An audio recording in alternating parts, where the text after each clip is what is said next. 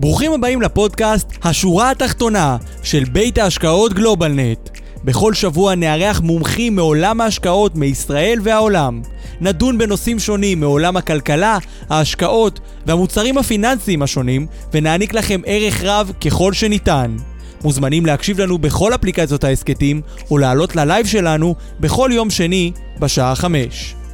כדי ליהנות מתכנים, ידע וערך בנושא השקעות ותכנון פיננסי, אתם מוזמנים לבקר באתר האינטרנט שלנו בכתובת globalnetin.com, בעמוד הפייסבוק שלנו GlobalNet Investment House ובערוץ היוטיוב של GlobalNet. שלום לכולם וברוכים הבאים לשורה התחתונה, פרק מספר 52, הנושאים הבוערים בעולם הפיננסי. כיף שאתם פה איתנו, ברוכים הבאים לעוד פרק, עוד שבוע. אה, בחג הפסח. אז אה, כיף שאנחנו כאן, היום אנחנו חוגגים פרק מיוחד.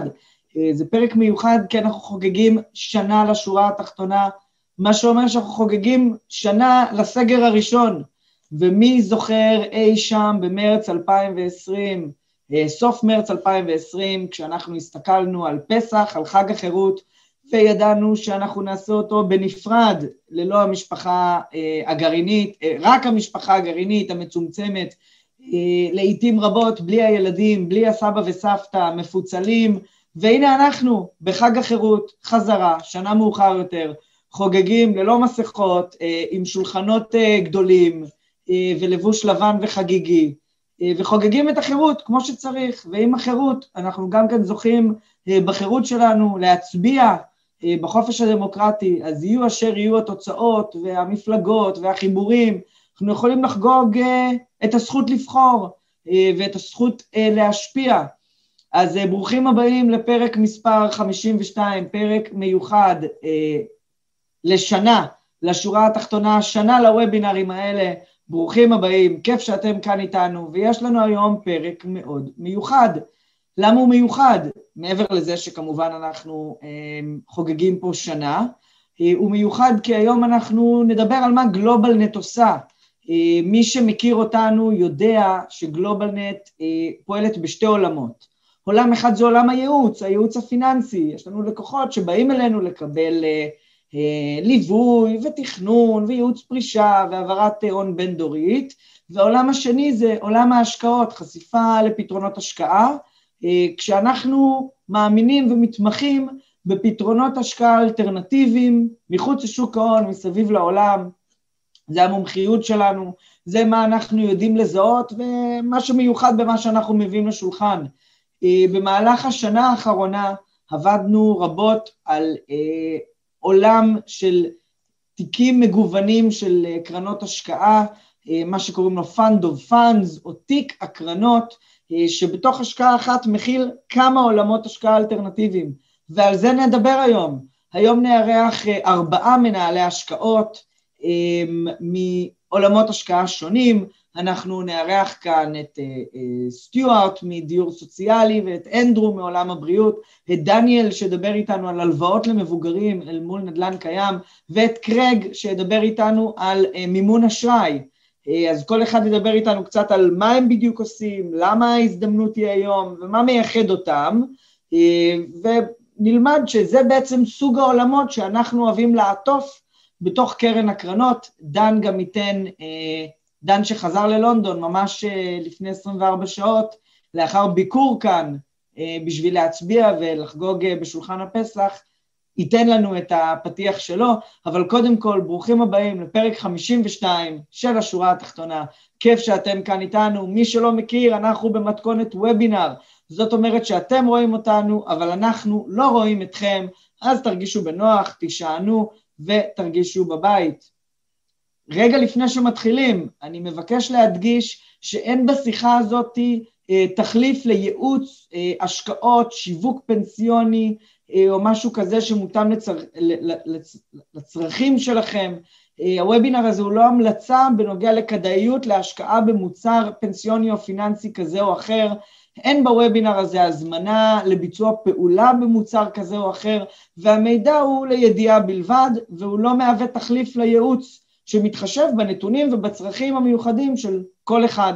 אמ, כמובן שאנחנו מזמינים אתכם להתייעץ איתנו, לפנות אלינו, אז ברוכים הבאים.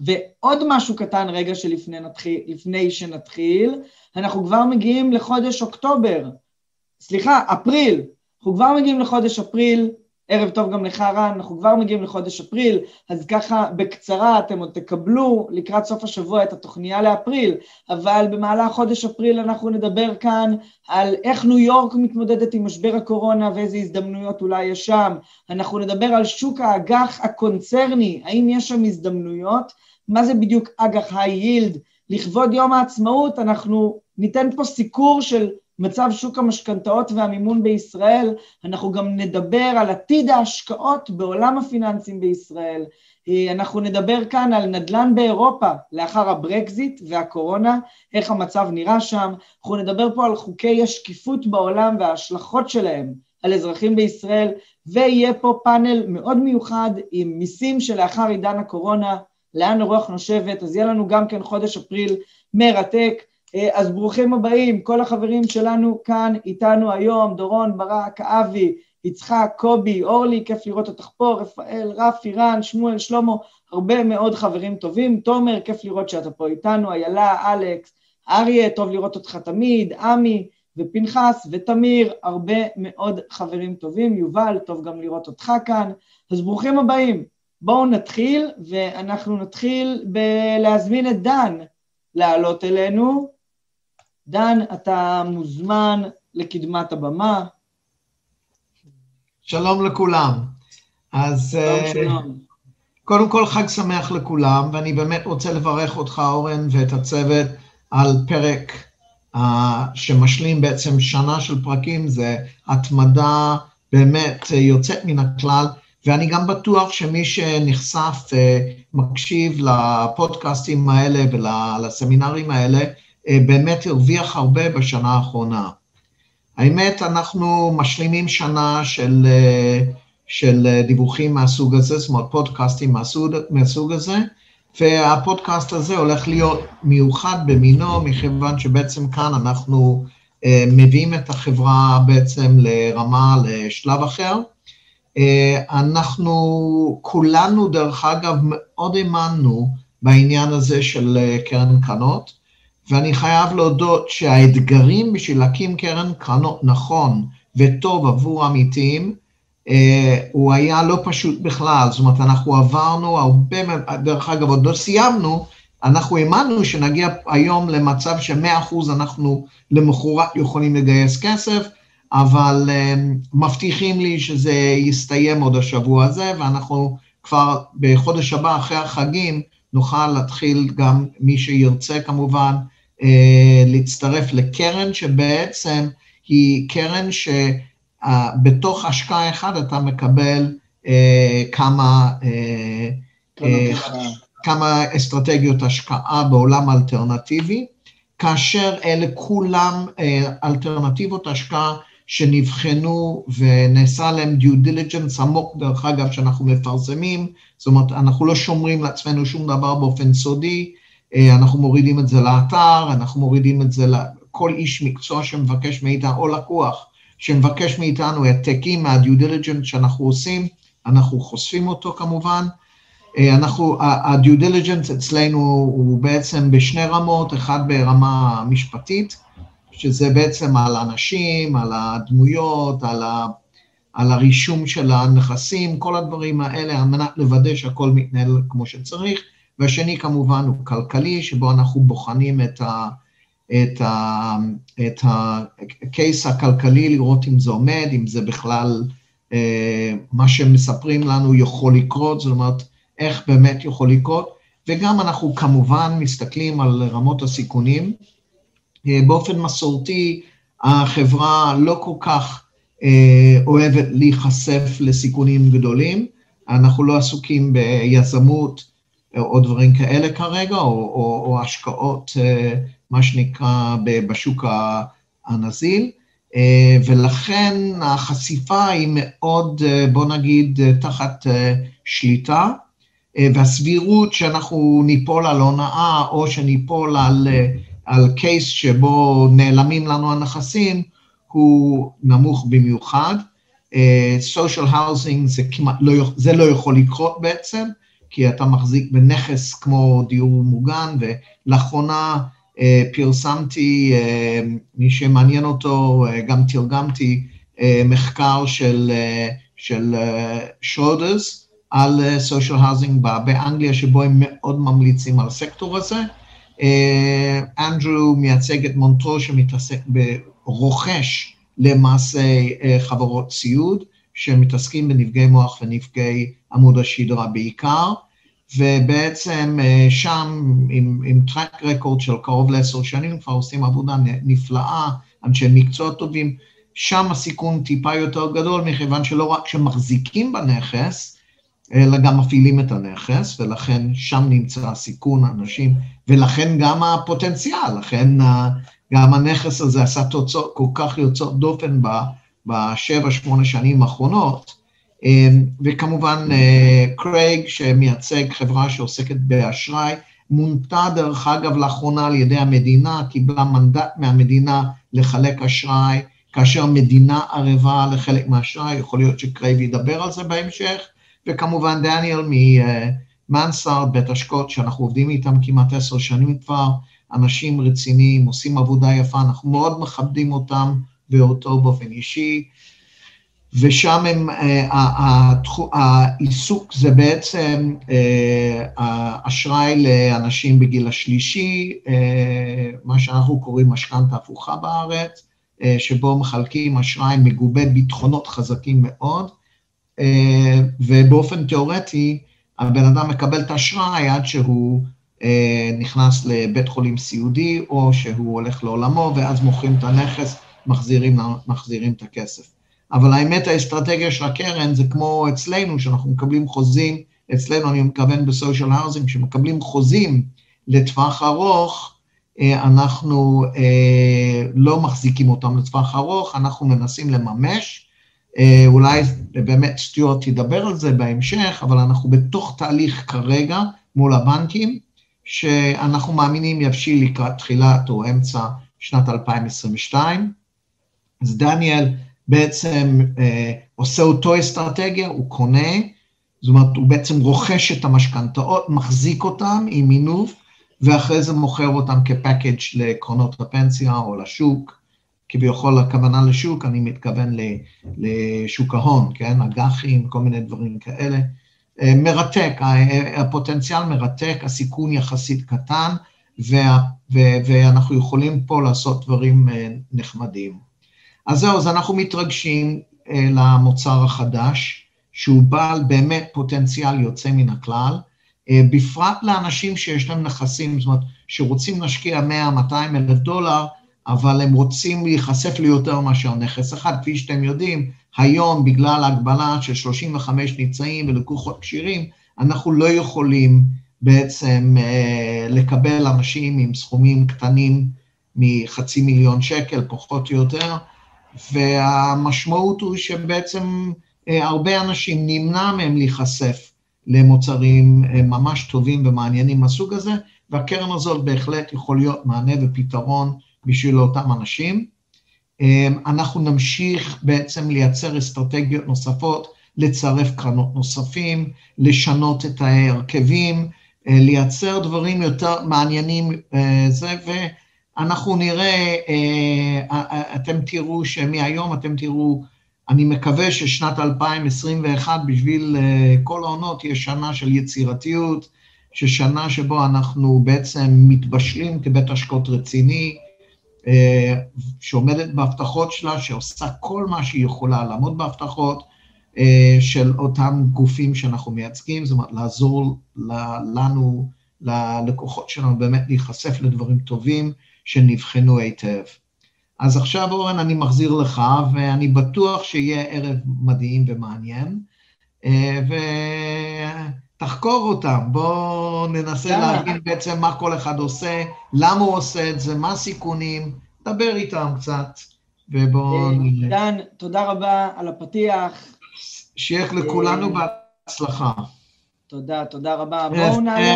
I told everybody, Stuart, Andrew, Craig and Daniel, how grateful we are for the relationships how you know you've been wonderful people that have been working with us for almost 10 years now. So um, and uh, you know and oh and I can see that uh, Andrew is uh, also uh, after he finishes this call, he's going to sit and do his exercise on that exercise sure behind him. You're looking good, Andrew. Yeah, well, the gyms are closed still, so I have to do something. okay, wonderful. So I'll leave it to you, um, uh, Oren, to uh, interview the gentleman. And thank you very much. And thank you very much for the for for the for the great relationship and for you, what you've done for our clients. Thank you. feeling mutual. תודה רבה, דן.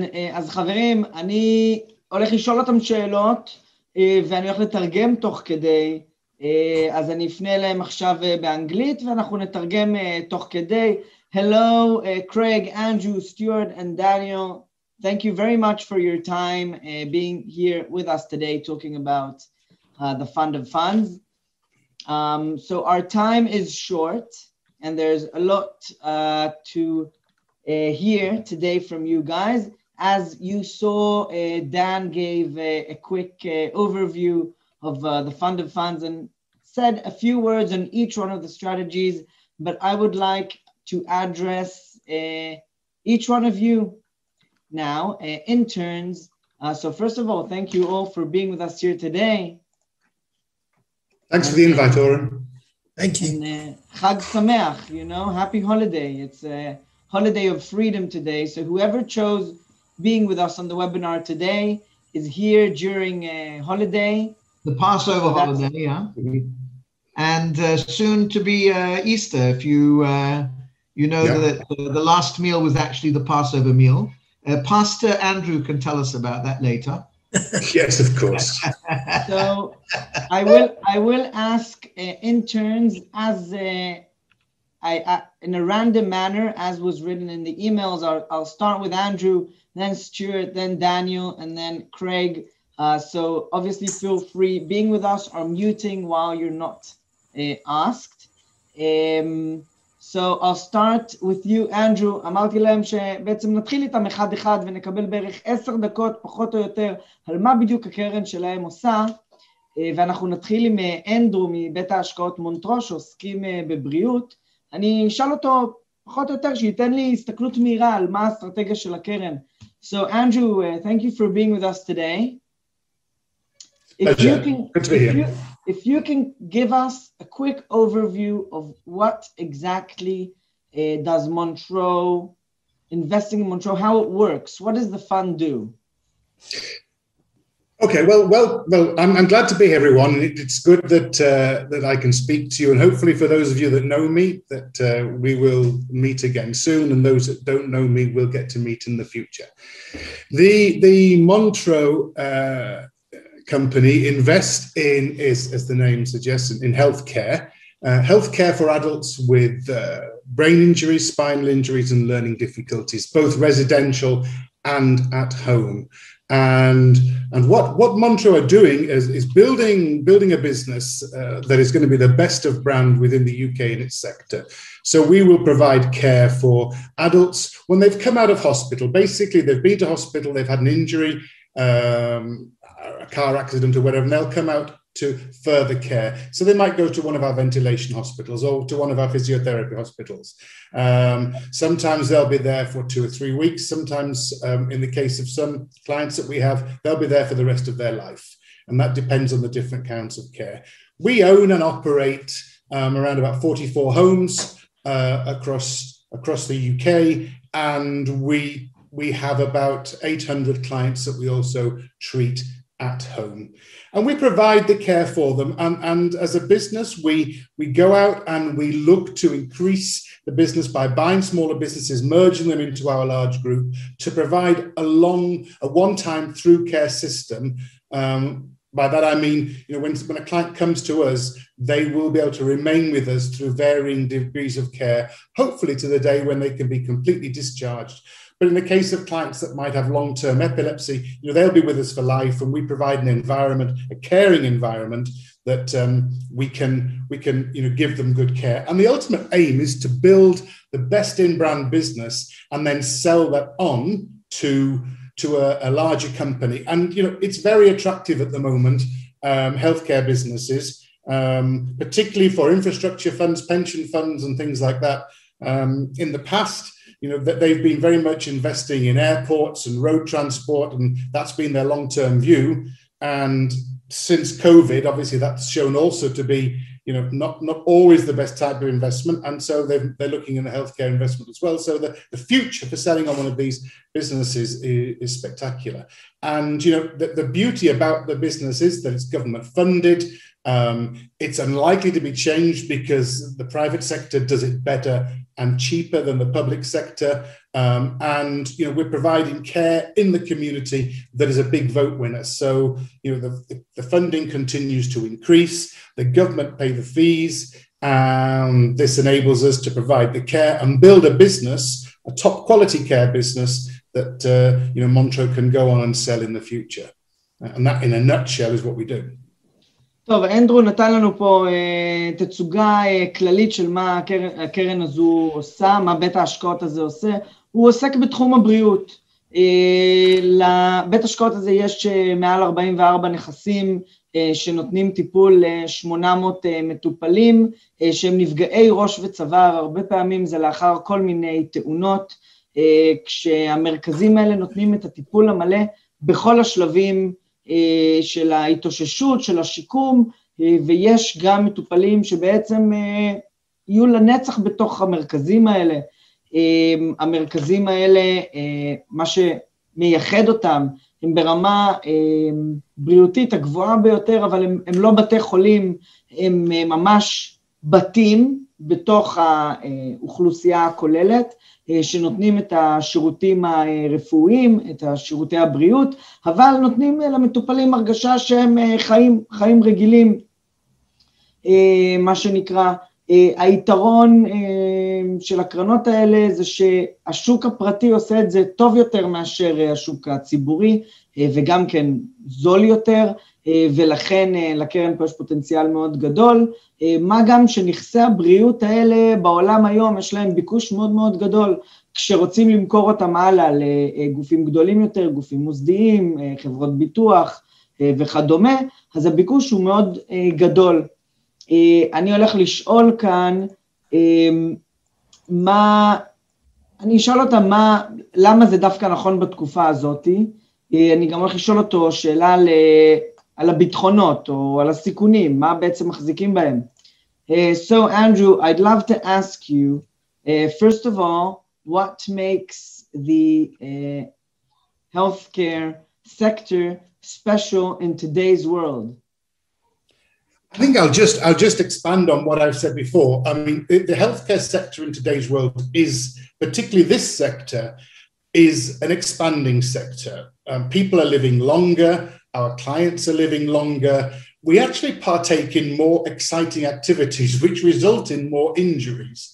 And so, you know, we do, you know, I, there are, there's a, a, sad thing to say, but there is a, a constant flow of clients. And it's something the government is still working to get people out of hospitals and into short and longer term care as soon as possible. And, and so this business is a, enabled to take, take advantage of that and build on that and provide an extremely interesting opportunity in the meantime. So, you know, the care that we give, um, you know, from um, small um, 10, 10 bed hospitals where there are just ventilation units where the clients have come out of hospital and possibly on, on machinery, keeping them stable until they're in a better condition to go on, or where they're living in residential care apartments where they're being looked after by carers and maybe working in the community, but just given a better life. And I, I think as an investment, one thing that, you know, that this brings an extra to, to, to clients is it's an impact investment. It's registered as an impact investment, and it actually makes an impact on society and the local communities around the country.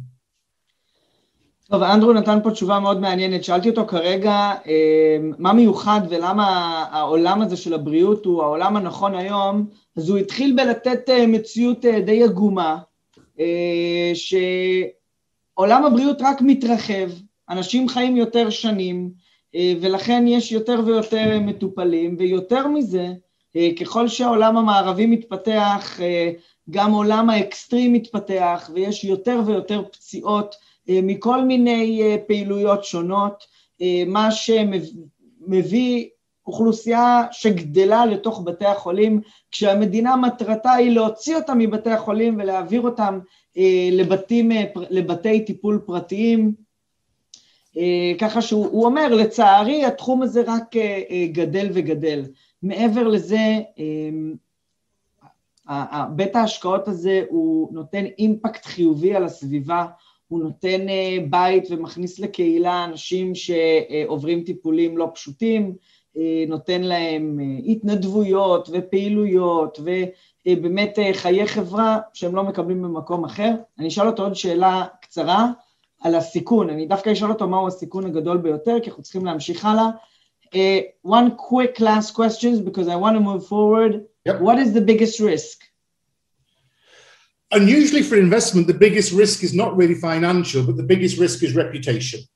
Uh, and that is, you know, to make sure that a business is run properly without scandal. You don't want, you know, there are cases you hear in, in residential care and healthcare of abuses, and that is the biggest risk. And so within within the active care group, which is the business that we own, we we make sure there's a whole series of cross management to try and mitigate that risk. You can never eliminate the risk totally, but we believe we have an open, honest reporting system, and no one person is responsible for one single area. So it's completely cross managed and constantly monitored. האמת שאנדרו ענה פה תשובה מעניינת, הוא אמר מה שהיום הוא הסיכון הגדול בשוק הזה, הוא דווקא לאו דווקא בצד הפיננסי, אלא הוא בצד התדמיתי.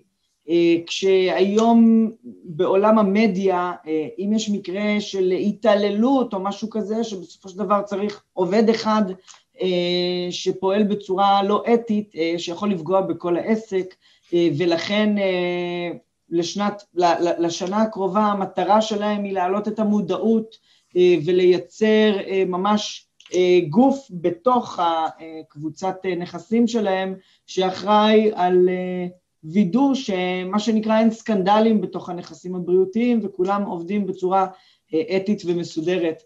Andrew, I thank you very much uh, for your quick overview. I know you can you can speak on the fund for days on the investment house, um, and we're always happy uh, to have your input.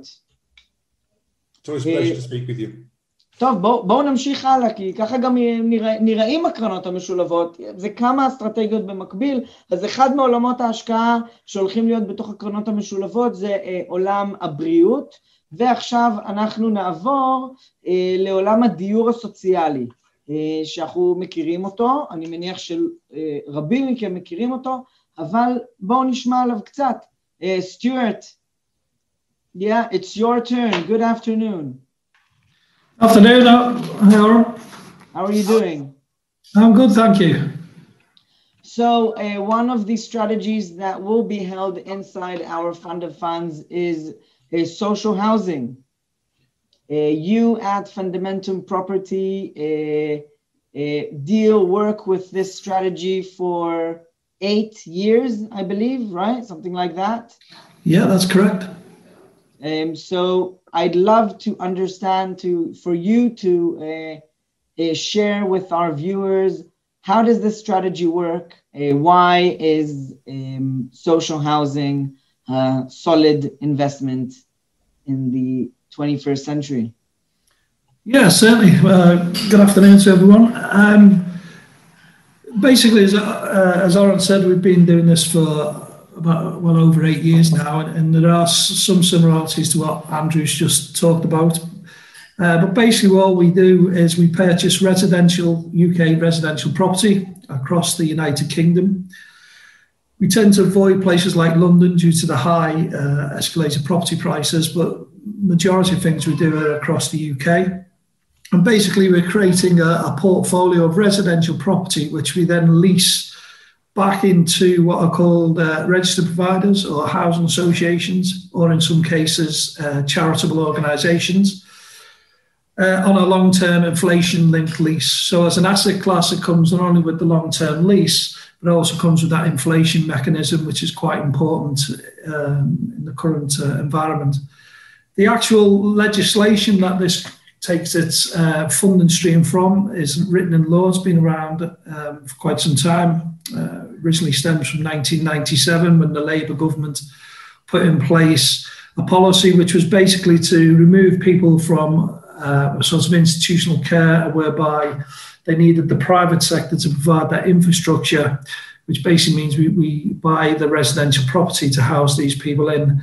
The people basically, touching on Andrew said, the people that we house or are housed within the properties are some of the UK's most vulnerable. So, as a population, we have a, a, a number of uh, young adults with autism, learning difficulties, mental health, uh, NHS step down, which Andrew touched on briefly, uh, whereby they all need accommodation, and the government's policy is to make sure that they can live a normal life as possible back in the community, and that's basically what we do on. אז thank you very much. Uh, אז מה זה בעצם עולם uh, אסטרטגיית ההשקעה בדיור סוציאלי? Uh, עולם ההשקעה הוא, הוא פשוט, סטיוארט אומר, הם עושים את זה כבר שמונה שנים בפונדמנטום פרופרטי, הם רוכשים נדל"ן בבריטניה, משכירים אותו לעמותות, לעיריות ולארגונים ללא מטרות רווח, לחוזה ארוך טווח, שמחובר להסכם שעולה יחד עם מדדי החיים, זאת אומרת יחד עם האינפלציה, אם יש אינפלציה השכירות עולה בהתאם, ובעצם הוא אומר עוד בשנת 97 הלייבור פארטי, מפלגת העבודה, זה רק נשמע כמו שלנו, אבל זו מפלגה אחרת, מפלגת העבודה של בריטניה הוציאה חוק שבעצם כל מי שזכאי למגורים סוציאליים מקבל את המגורים משירותים פרטיים, כמובן המדינה מממנת, אבל הבעלים של הנדל"ן זה שירותים פרטיים בהסכמי שכירות ארוך טווח, עוד פעם, הוא אומר, כמו שאנדרו אומר, כי אנחנו עושים את זה טוב יותר. הוא אומר שהם דווקא מתרחקים מנדל"ן בלונדון בגלל בועות נדל"ניות שיוצרות שם, אבל כן, יש פיזור בכל רחבי בריטניה, ולנים בתוך המגורים האלה, גם כן אוטיסטים, הפרעות נפשיות, נשים ואנשים בסיכון, ואפילו הומלסים. כל מי שהמדינה מסמנת שמגיע לו בעצם דיור מהמדינה. סטיוארט, what why is investing in social housing right for this time in history? That's a great question, considering we're in, in the midst of a global pandemic. Um, I think there's a couple of key points really to that, that question, um, at the moment, uh, you know, never before, especially within the United Kingdom, has the focus been on, on key areas such as mental health, NHS step down. What this whole um, COVID situation has, has, highlighted is the need for good quality housing for people to be housed. We know the UK has notoriously had a, a residential housing problem since the late 50s, um, which has basically meant that there has been a, focus on by the government to get people into residential accommodation. So I think really the right time of history is the ESG, the, the environmental, social and governance part of this proposition is what we do is very uh, key because we are housing some of the most vulnerable young adults across the United Kingdom. As you know, Aaron, I always tell a story about the guy I met not so long ago in one of the properties when I asked him, um, what it was like living in one of these properties, and he said, "You saved my life. I, I was homeless and on the streets. Without without your help, I, I, I, literally don't know where I would be." So, is it a right time to invest in history? Absolutely. It provides investors with um, opportunity to invest in UK residential property, but in, underpinned by long-term inflation-linked leases, which basically the funding stream comes from central government under what's called the exempt exempt rent ruling, which basically uh, means that uh, the government funded this program and we are the we are the beneficiaries of that program. סטיוארט נותן פה כמה נקודות, שאלתי אותו למה? אז, למה עכשיו, למה זה חלק מפורטפוליו העתיד, אז הוא אומר, טוב, יש פה, יש פה כמה נקודות שצריך לגעת בהן, והנקודה הראשונה זה שאנחנו חווינו עכשיו משבר קורונה, ובמהלך משבר הקורונה הזה אנחנו ראינו איך הביקוש לנכסים, ולא רק לנכסים, איך הביקוש לשירותים סוציאליים טובים עלה. זאת אומרת שמה שאנחנו ראינו בתקופות האחרונות זה שמי שמפקיר את החלשים, אוכל אותה. בעצם שכל העולם צריך להיות ביחד, שהמדינה צריכה לדאוג לאוכלוסיות החלשות, וזה המגמה היום, המגמה היום היא מגמה סוציאלית.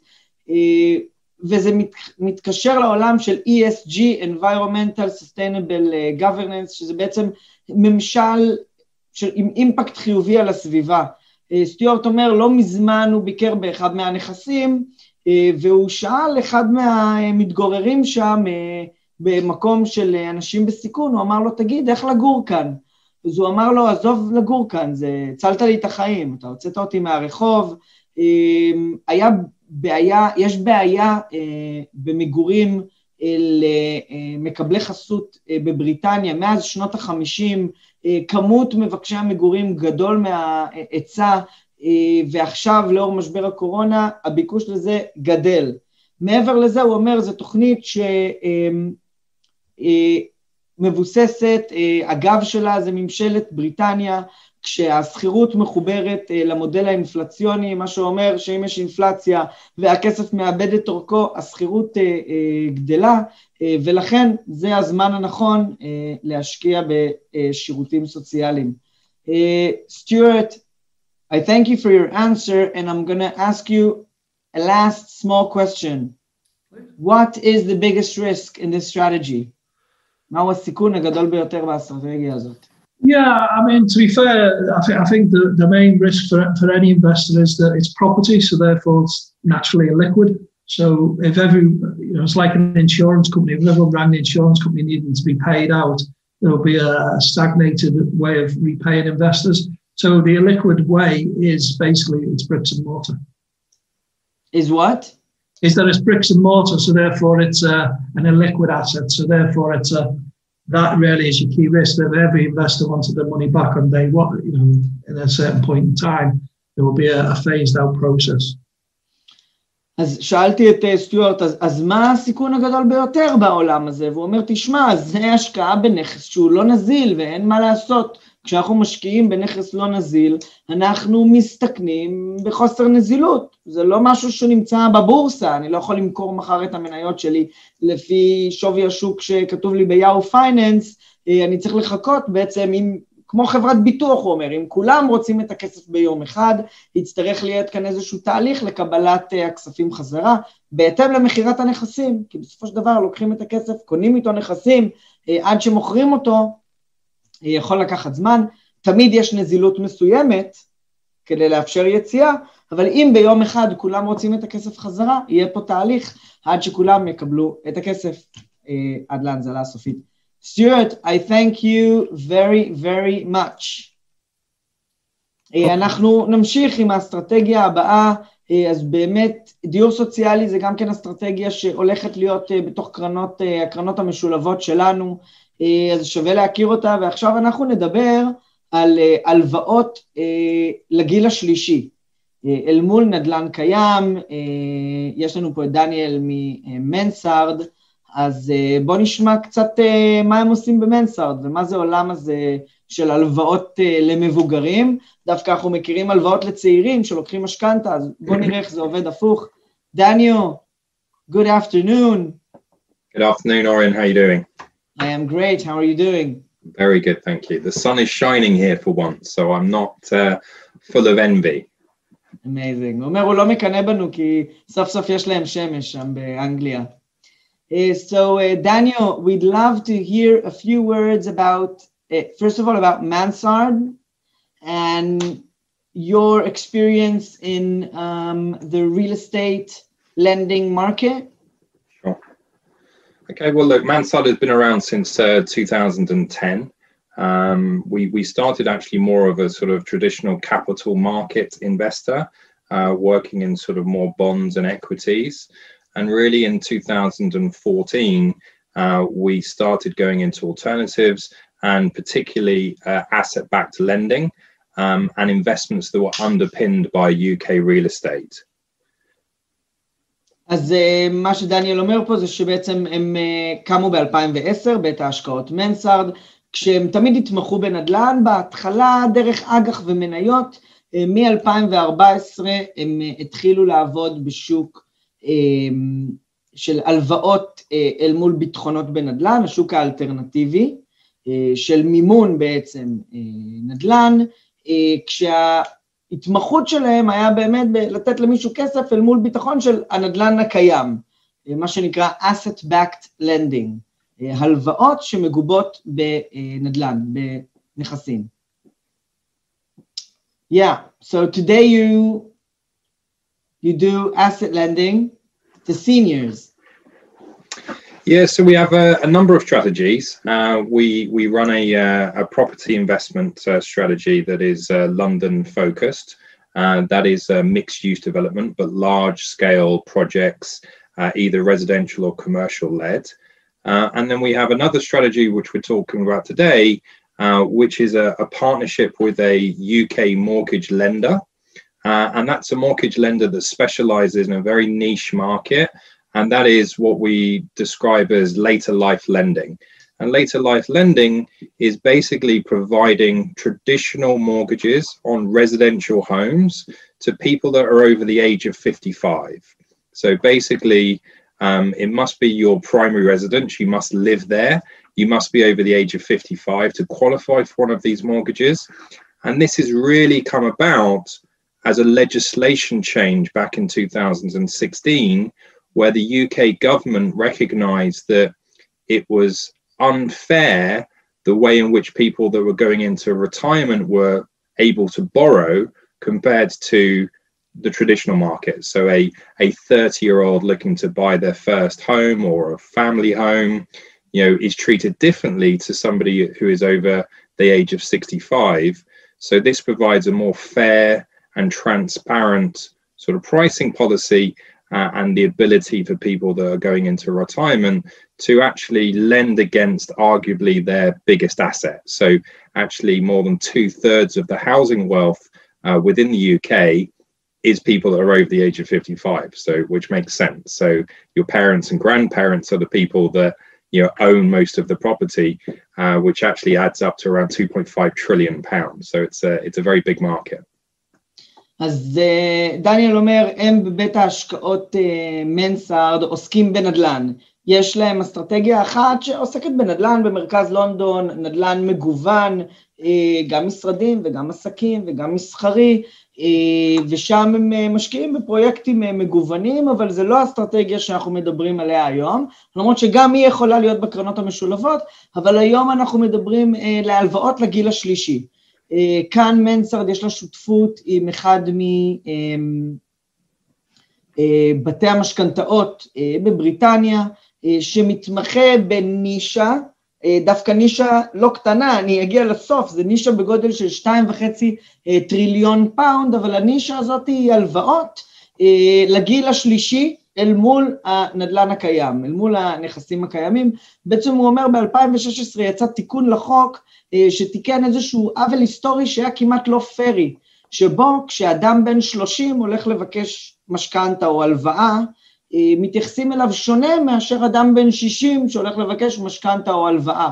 בסופו של דבר, שני שליש מהנדל"ן בבריטניה מוחזקים על ידי אנשים שהם מעל גיל 55, זאת אומרת על ידי ההורים והסבים שלנו, רוב הנדל"ן המוחזק, ודווקא הם שמחזיקים בנדל"ן ושילמו במשך שנים משכנתה, ואולי מחזיקים ב-50 או 70 או 80 אחוז מבית ונשאר להם איזשהו חוב, דווקא הם לא יכולים לקבל הלוואה בתנאים טובים אל מול הנדל"ן הקיים, בין היתר בעקבות משכנתאות בריבית בלבד שניתנו להם כשהם היו בני 30 והכניסו אותם לצרה הזאת, ועכשיו בגיל 60 הם עניים, יש להם בית, אבל הם משלמים על הכסף שהם רוצים לחיות איתו אה, עמלות מאוד מאוד גבוהות בגלל שהם בני 60 ולא בני 30. אה, אז השוק הזה הוא שוק מאוד מאוד גדול, דניאל אומר, אה, וכל ההתייחסות אליו עבר שינוי בשנים האחרונות, וזו האסטרטגיה הזאת, היא לתת להם את הכספים. בואו נשאל אותו עוד כמה שאלות על האסטרטגיה הזאת. So, Daniel, yes. why, why is investing in um, senior lendings right for this time in history?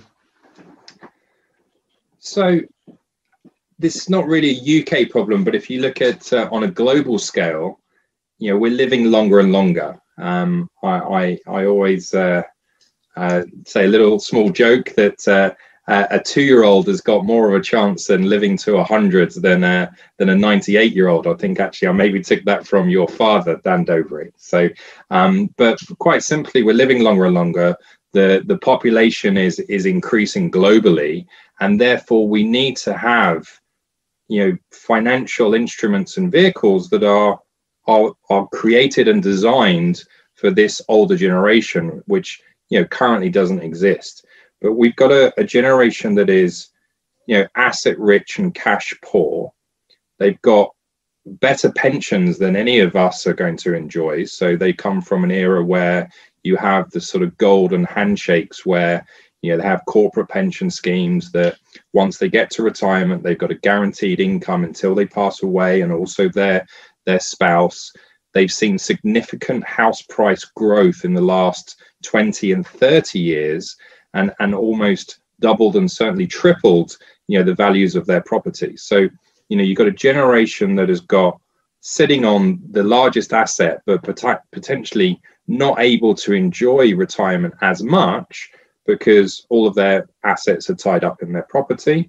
And equally because of the house price increase in the UK we're seeing the you know the top 10 and certainly currently the sixth largest lender in the UK is the bank of mum and dad. So that is you know parents lending to children to help them themselves get onto the property ladder. So again this this enables them to either continue to live in their family home it enables them to to borrow a, a cheap and cost effective rates it enables them to take out money from their primary asset being their residential home that they live in uh, and gift money to their children that may be struggling or maybe simply just looking to ways to mitigate inheritance tax, which is very high in the UK. Um, so it's a it's a, a, generation that is a global issue that people are getting older and older. Uh, but here in the UK, obviously, um, they've looked to address that through uh, a regulation change back in 2016.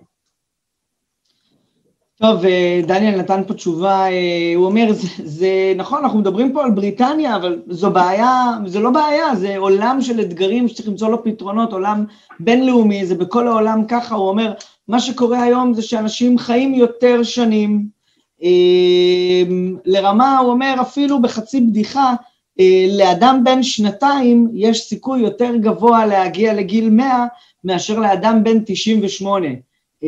כי גיל החיים המשוער רק עולה ועולה ועולה ועולה משנה לשנה, ואין מספיק פתרונות לגיל השלישי. מעבר לזה, הוא אומר, הגיל השלישי הוא cash rich ו-asset poor, הוא יש, הוא, סליחה, asset rich ו-cash poor, זאת אומרת, אין לו כסף, אבל יש לו בית. ומה שקורה זה שאנשים מבוגרים, שדווקא להם יש נדל"ן, ויש גם כן פנסיות טובות שככל הנראה לדור הצעיר כבר לא יהיה, כל מיני uh, פנסיות עם uh, מרכיבים מיוחדים שאנחנו גם מכירים מישראל, uh, שיש uh, לדור הוותיק שנהנה היום uh, מפנסיות uh, טובות, ועדיין לפעמים חובות על הנדל"ן, לפחות במקרה הזה, uh, אוכלות לו את uh, uh, רמת החיים ומגיע לו רמת חיים טובה יותר. Uh, ומה שהאסטרטגיה הזאת מציעה, היא לעזור להם לחיות רמת חיים טובה יותר, ליהנות בסופו של דבר הנכס שהם צברו, גם אם נשאר עליו עדיין חוב, יש שם הרבה מאוד אקוויטי, והוא אומר חוץ מזה, זה נותן הזדמנות לתת עזרה לילדים. היום בבריטניה, אבל בכלל בכל העולם, אחד המלווים הגדולים ביותר זה מה שנקרא הבנק של אימא ואבא. היום יותר ויותר מקובל מסביב לעולם שהורים עוזרים לילדים שלהם עם כסף, עוזרים להם, עוזרים להם כשהם מתחתנים, כשהם מביאים את הילדים הראשונים, כשהם מגיעים לאוניברסיטה, כשהם רוצים לקנות בית, הם עוזרים להם עם כסף. היום הם הלווים המרכזיים, והמבנה הזה של לתת להם לקחת הלוואה היום אל מול הנדלן הקיים, וכשהם יפסיקו להשתמש בבית, הם יחזירו את הכסף מן הסתם, אם זה כאשר הם יעברו למוסד רפואי, או כשהם יהיה תורם לחלוף מן העולם, אה, הכסף יחזור חזרה אה, אה, למלווה, לבית ההשקעות של המשכנתאות, והיתרה יעבור לילדים. So, אני, אני אשאל אותו מהו הסיכון הגדול ביותר, in, in a quick answer, what is the biggest risk? So the biggest risk that is often perceived, and I'll, I'll, I'll correct that firstly, is that obviously somebody is borrowing against their primary residential home. So, firstly, people automatically think, well, if they can't afford to pay, then there's a big risk because there's a default on the loan. And, and realistically, the average loan to value is 45%. So we would need to see a 55% market correction for that to be a risk. So really the real risk is actually time. Time it takes to issue the mortgages. And part of our strategy is to collectively get those mortgages together and sell them to private and institutional investors. So again, it's the time it takes to issue the mortgages and the time it takes to then sell those mortgages. But we've got a very, very good network of the largest mortgage clubs within the UK and thousands of mortgage brokers actually selling this product. Um, so we're very confident that the time risk is is not an issue, but that is the biggest issue. How long does it take us raising money, giving it to the mortgage company, the mortgage company obviously issuing those mortgages, and then we look to then sell those mortgages over a period of time. אה, אז אה, מה שדניאל אומר, הוא אומר, היית חושב שהסיכון הגדול ביותר הוא שתיתן למישהו הלוואה ושווי הבית ירד. אבל הוא אומר, ההלוואה הממוצעת היא 45% משווי הבית, ככה שהבתים צריכים לרדת ביותר מחצי מהשווי שלהם, כדי שביום המכירה לא יהיה את הכסף חזרה, אז הוא אומר, זה סיכון מאוד מאוד נמוך. הסיכון האולי יותר ריאלי זה הסיכון של זמן, הזמן שלוקח לתת את ההלוואה והזמן שלוקח למכור את ההלוואות אחר כך הלאה כדי לקבל חזרה כסף, אה, כי זה מעגל החיים אה, של הקרן. אנחנו חייבים לרוץ קדימה כי לא נשאר לנו הרבה זמן. Thank you, Daniel, very much for the input today. And Thank you, Ron. Uh, Craig, it's very, very uh, nice having you with us again and waiting uh, to be addressed last. How are you doing? Good, thank you. Yeah, how are you? I am great. It's great having you again. Good. Yeah, good to be here. אז קרג פה איתנו מבית ההשקעות פרסטיג', אחד הגופים האלטרנטיביים הוותיקים, והם עוסקים במימון אשראי לעסקים, לחקלאות, אבל בואו נשמע ממנו. היה לנו איזשהו, לא מזמן, היה לנו פרק עם קרג על ההזדמנויות בחקלאות, אז אני חושב שזה היה פרק 48 או 47, אתם מוזמנים לרוץ בפייסבוק אחורה ולהקשיב לו, אבל בואו ניתן לקרג לנסות לסכם לנו את זה בכמה דקות. I just told them that you were on a few weeks ago and we talked uh, uh, in specifics into the agriculture uh, sector. So I invited them to reel back a few episodes and listen to it. But if you, Craig, can give us a quick overview of what exactly investing in credit funding means, how it works. Yeah. Okay, so Prestige is 14 years old. Um, we were established just before the financial crisis, and, and really that obviously now was a very long time ago, but it felt like a dress rehearsal for what we're going through now because the pandemic has had far greater uh, effect on Main Street instead of Wall Street. And so we're, we're clearly dealing with that in, in our own individual ways, personally and professionally. It's changed the way that businesses operate. It's changed the way they get funded. It changed the way they they even physically sit in an office for, for the time being. So the, the prestige business now has over 100 people in, in employment. Uh, we've raised over 2 billion uh, US dollars. And we really focus on lending to small business in the United Kingdom and in the USA. And so we've really got three main strategies that try to capture those different opportunities out there. And I think there are some very interesting opportunities out there at the moment because what we saw in November was $18 trillion worth of negative bond yields out there. So a lot of people that we talk to believe that interest rates will remain lower for longer. There's clearly a lot of talk in the very short term that uh, the longer end of the curve, you're seeing a little bit of rate interest increasing, but uh, most people we talk to believe that interest rates will remain very low for a long time. And partly because there's so much more debt out there that they can't really afford to raise interest rates to, to the levels that we saw 10 years ago. So, what we've just seen in the United States in the last two weeks is a massive new stimulus plan. There's similar plans in the UK and across Europe. And that will have a positive effect later this year as it really seeps into the, the wider economy. And I think also from, from another side of it, you've got um, the vaccine clearly in Israel really now having a positive effect. The UK has nearly 30 million people vaccinated.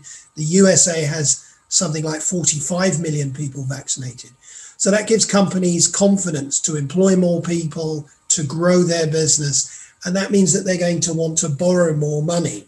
And so the banks don't lend money in the same way as they did 10 or 15 years ago.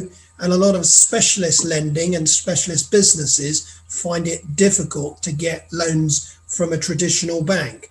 So increasingly, they have to go to different kinds of groups. Now, there's clearly the internet. A company can go to a crowdfunder or a peer to peer lender or an angel investor or a private equity investor. And all of those groups have got several things in common. They've got the money, but they also usually want a very big chunk of, of your business. So the alternative is to come to a specialist lender like a prestige company and essentially get a loan uh, in, a, in a slightly different way. So we've been doing this for a very long time and we have clearly, I think, uh, become a, a leader in some of these sectors that we operate in. And I think also from an investor perspective, we do it in a fairly conservative way. We don't use leverage, we don't have performance fees on any of our funds. And so that is perhaps why we attract quite a lot of institutional money from pension funds and insurance companies and family offices and, and so forth. But I think the other side of it is that the type of investments that we operate have really, I think, demonstrated two key things in the last year. The first is that they've really shown that they have very low correlation to traditional bonds and equities. So when we saw lots of the financial markets collapse in the first quarter of last year in that real panic and fear, uh, a lot of our strategies continued to perform in line with expectations. So that was really clearly a, a, a recognizable thing that, that a lot of people saw.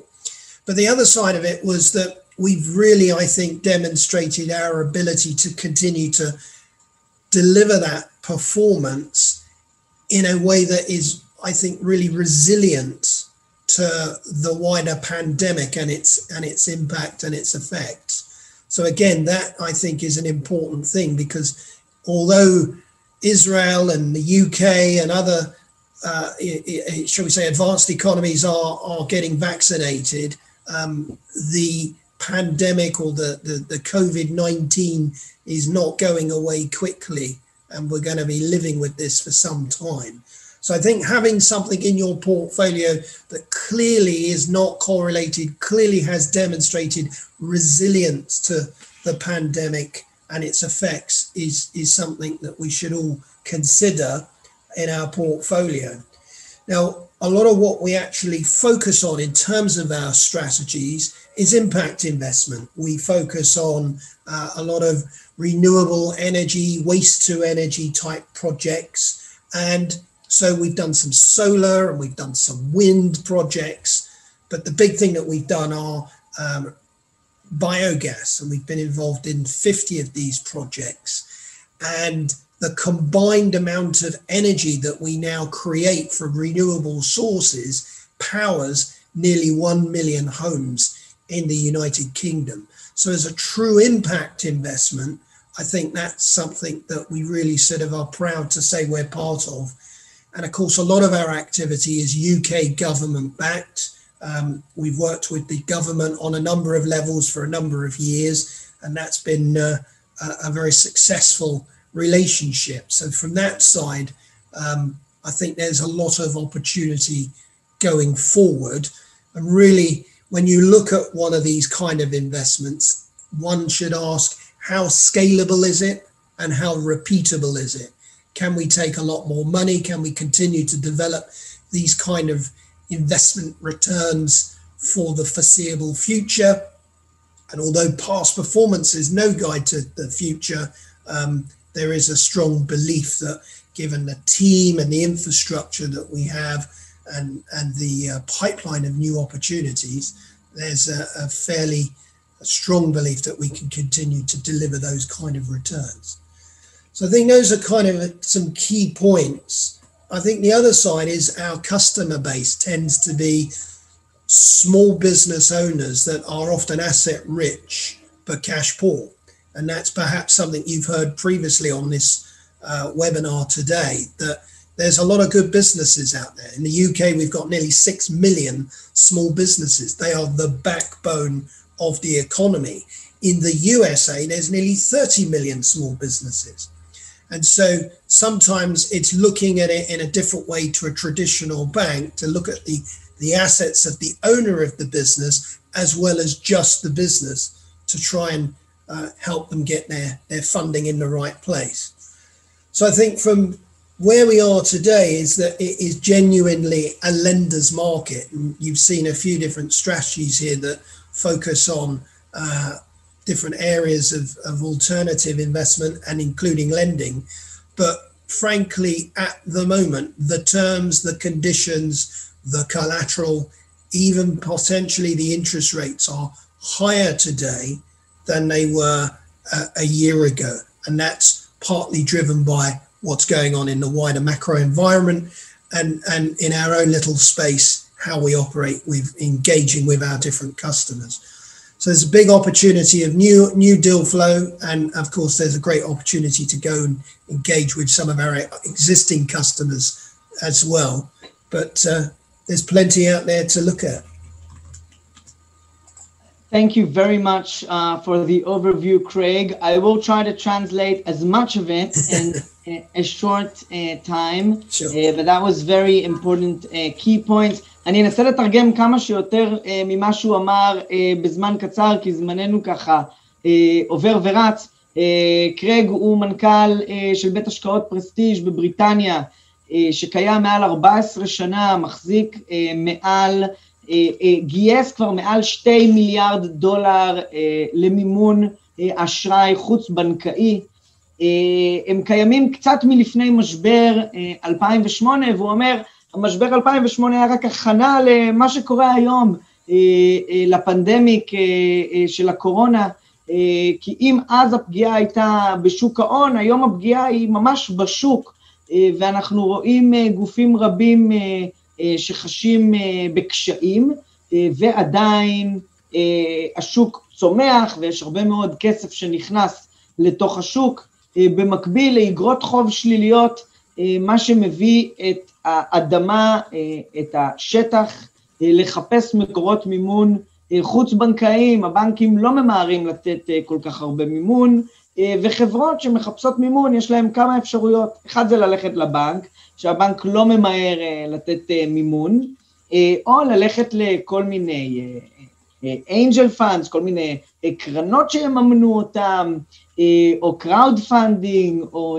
גיוס כספים באינטרנט, או לבוא לחברות שמתמחות באשראי, וזה מה שפרסטיג' עושה, זה המומחיות שלהם, הוא אומר שהוא אחד השחקנים הגדולים והמוכרים בשוק, ויש פה כמה הזדמנויות, אחד, למשקיעים ההזדמנות פה שמדובר כאן בהשקעה שהיא בקורלציה אה, כמעט אפסית, אם לא אפסית, אה, לשוק ההון, הוא אומר גם מה שראינו במרץ לא באמת השפיע על, על, על אסטרטגיית ההשקעה הזאת, על עולם ההשקעה אה, באשראי, אה, כי אין קשר למה שקורה בשוק ההון, אני מדבר על מרץ שנה שעברה, אה, אבל בעצם השקעה בקורלציה אה, כמעט אפסית, אה, ויותר מזה בעקבות אה,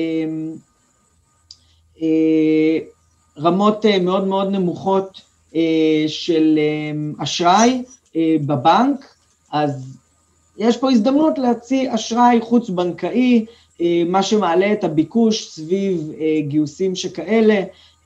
עוד כמה נקודות מעניינות שהוא אמר, הוא אמר בעצם יש 6 מיליון עסקים בבריטניה ועוד 30 מיליון עסקים בארצות הברית שהם עסקים קטנים, והם בעצם בסופו של דבר מה שמחזיק את הכלכלה. אה, היתרון אה, של פרסטיג' זה שהם מסוגלים אה, להיכנס ולראות מה הם, נכסי, מה הם הנכסים שהחברות הקטנות האלה מחזיקות, לפעמים לא רק בחברה, אלא גם של הבעלים עצמם, ולראות איזה מימון ניתן להביא כדי לעזור להם לעבור את התקופה הזאת, כמובן עם ביטחונות מלאים בכספים שניתנו.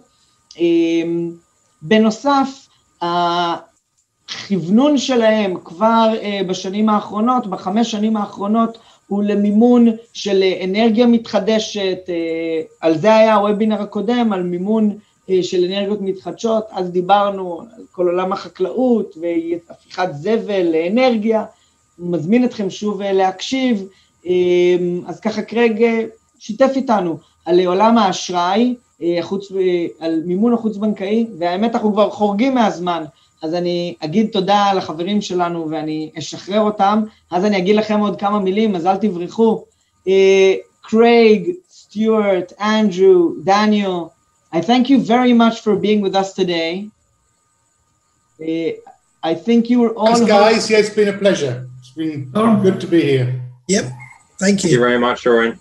I think you were all here for the last year at one point or another talking about macroeconomics or, or microeconomics or COVID and restrictions.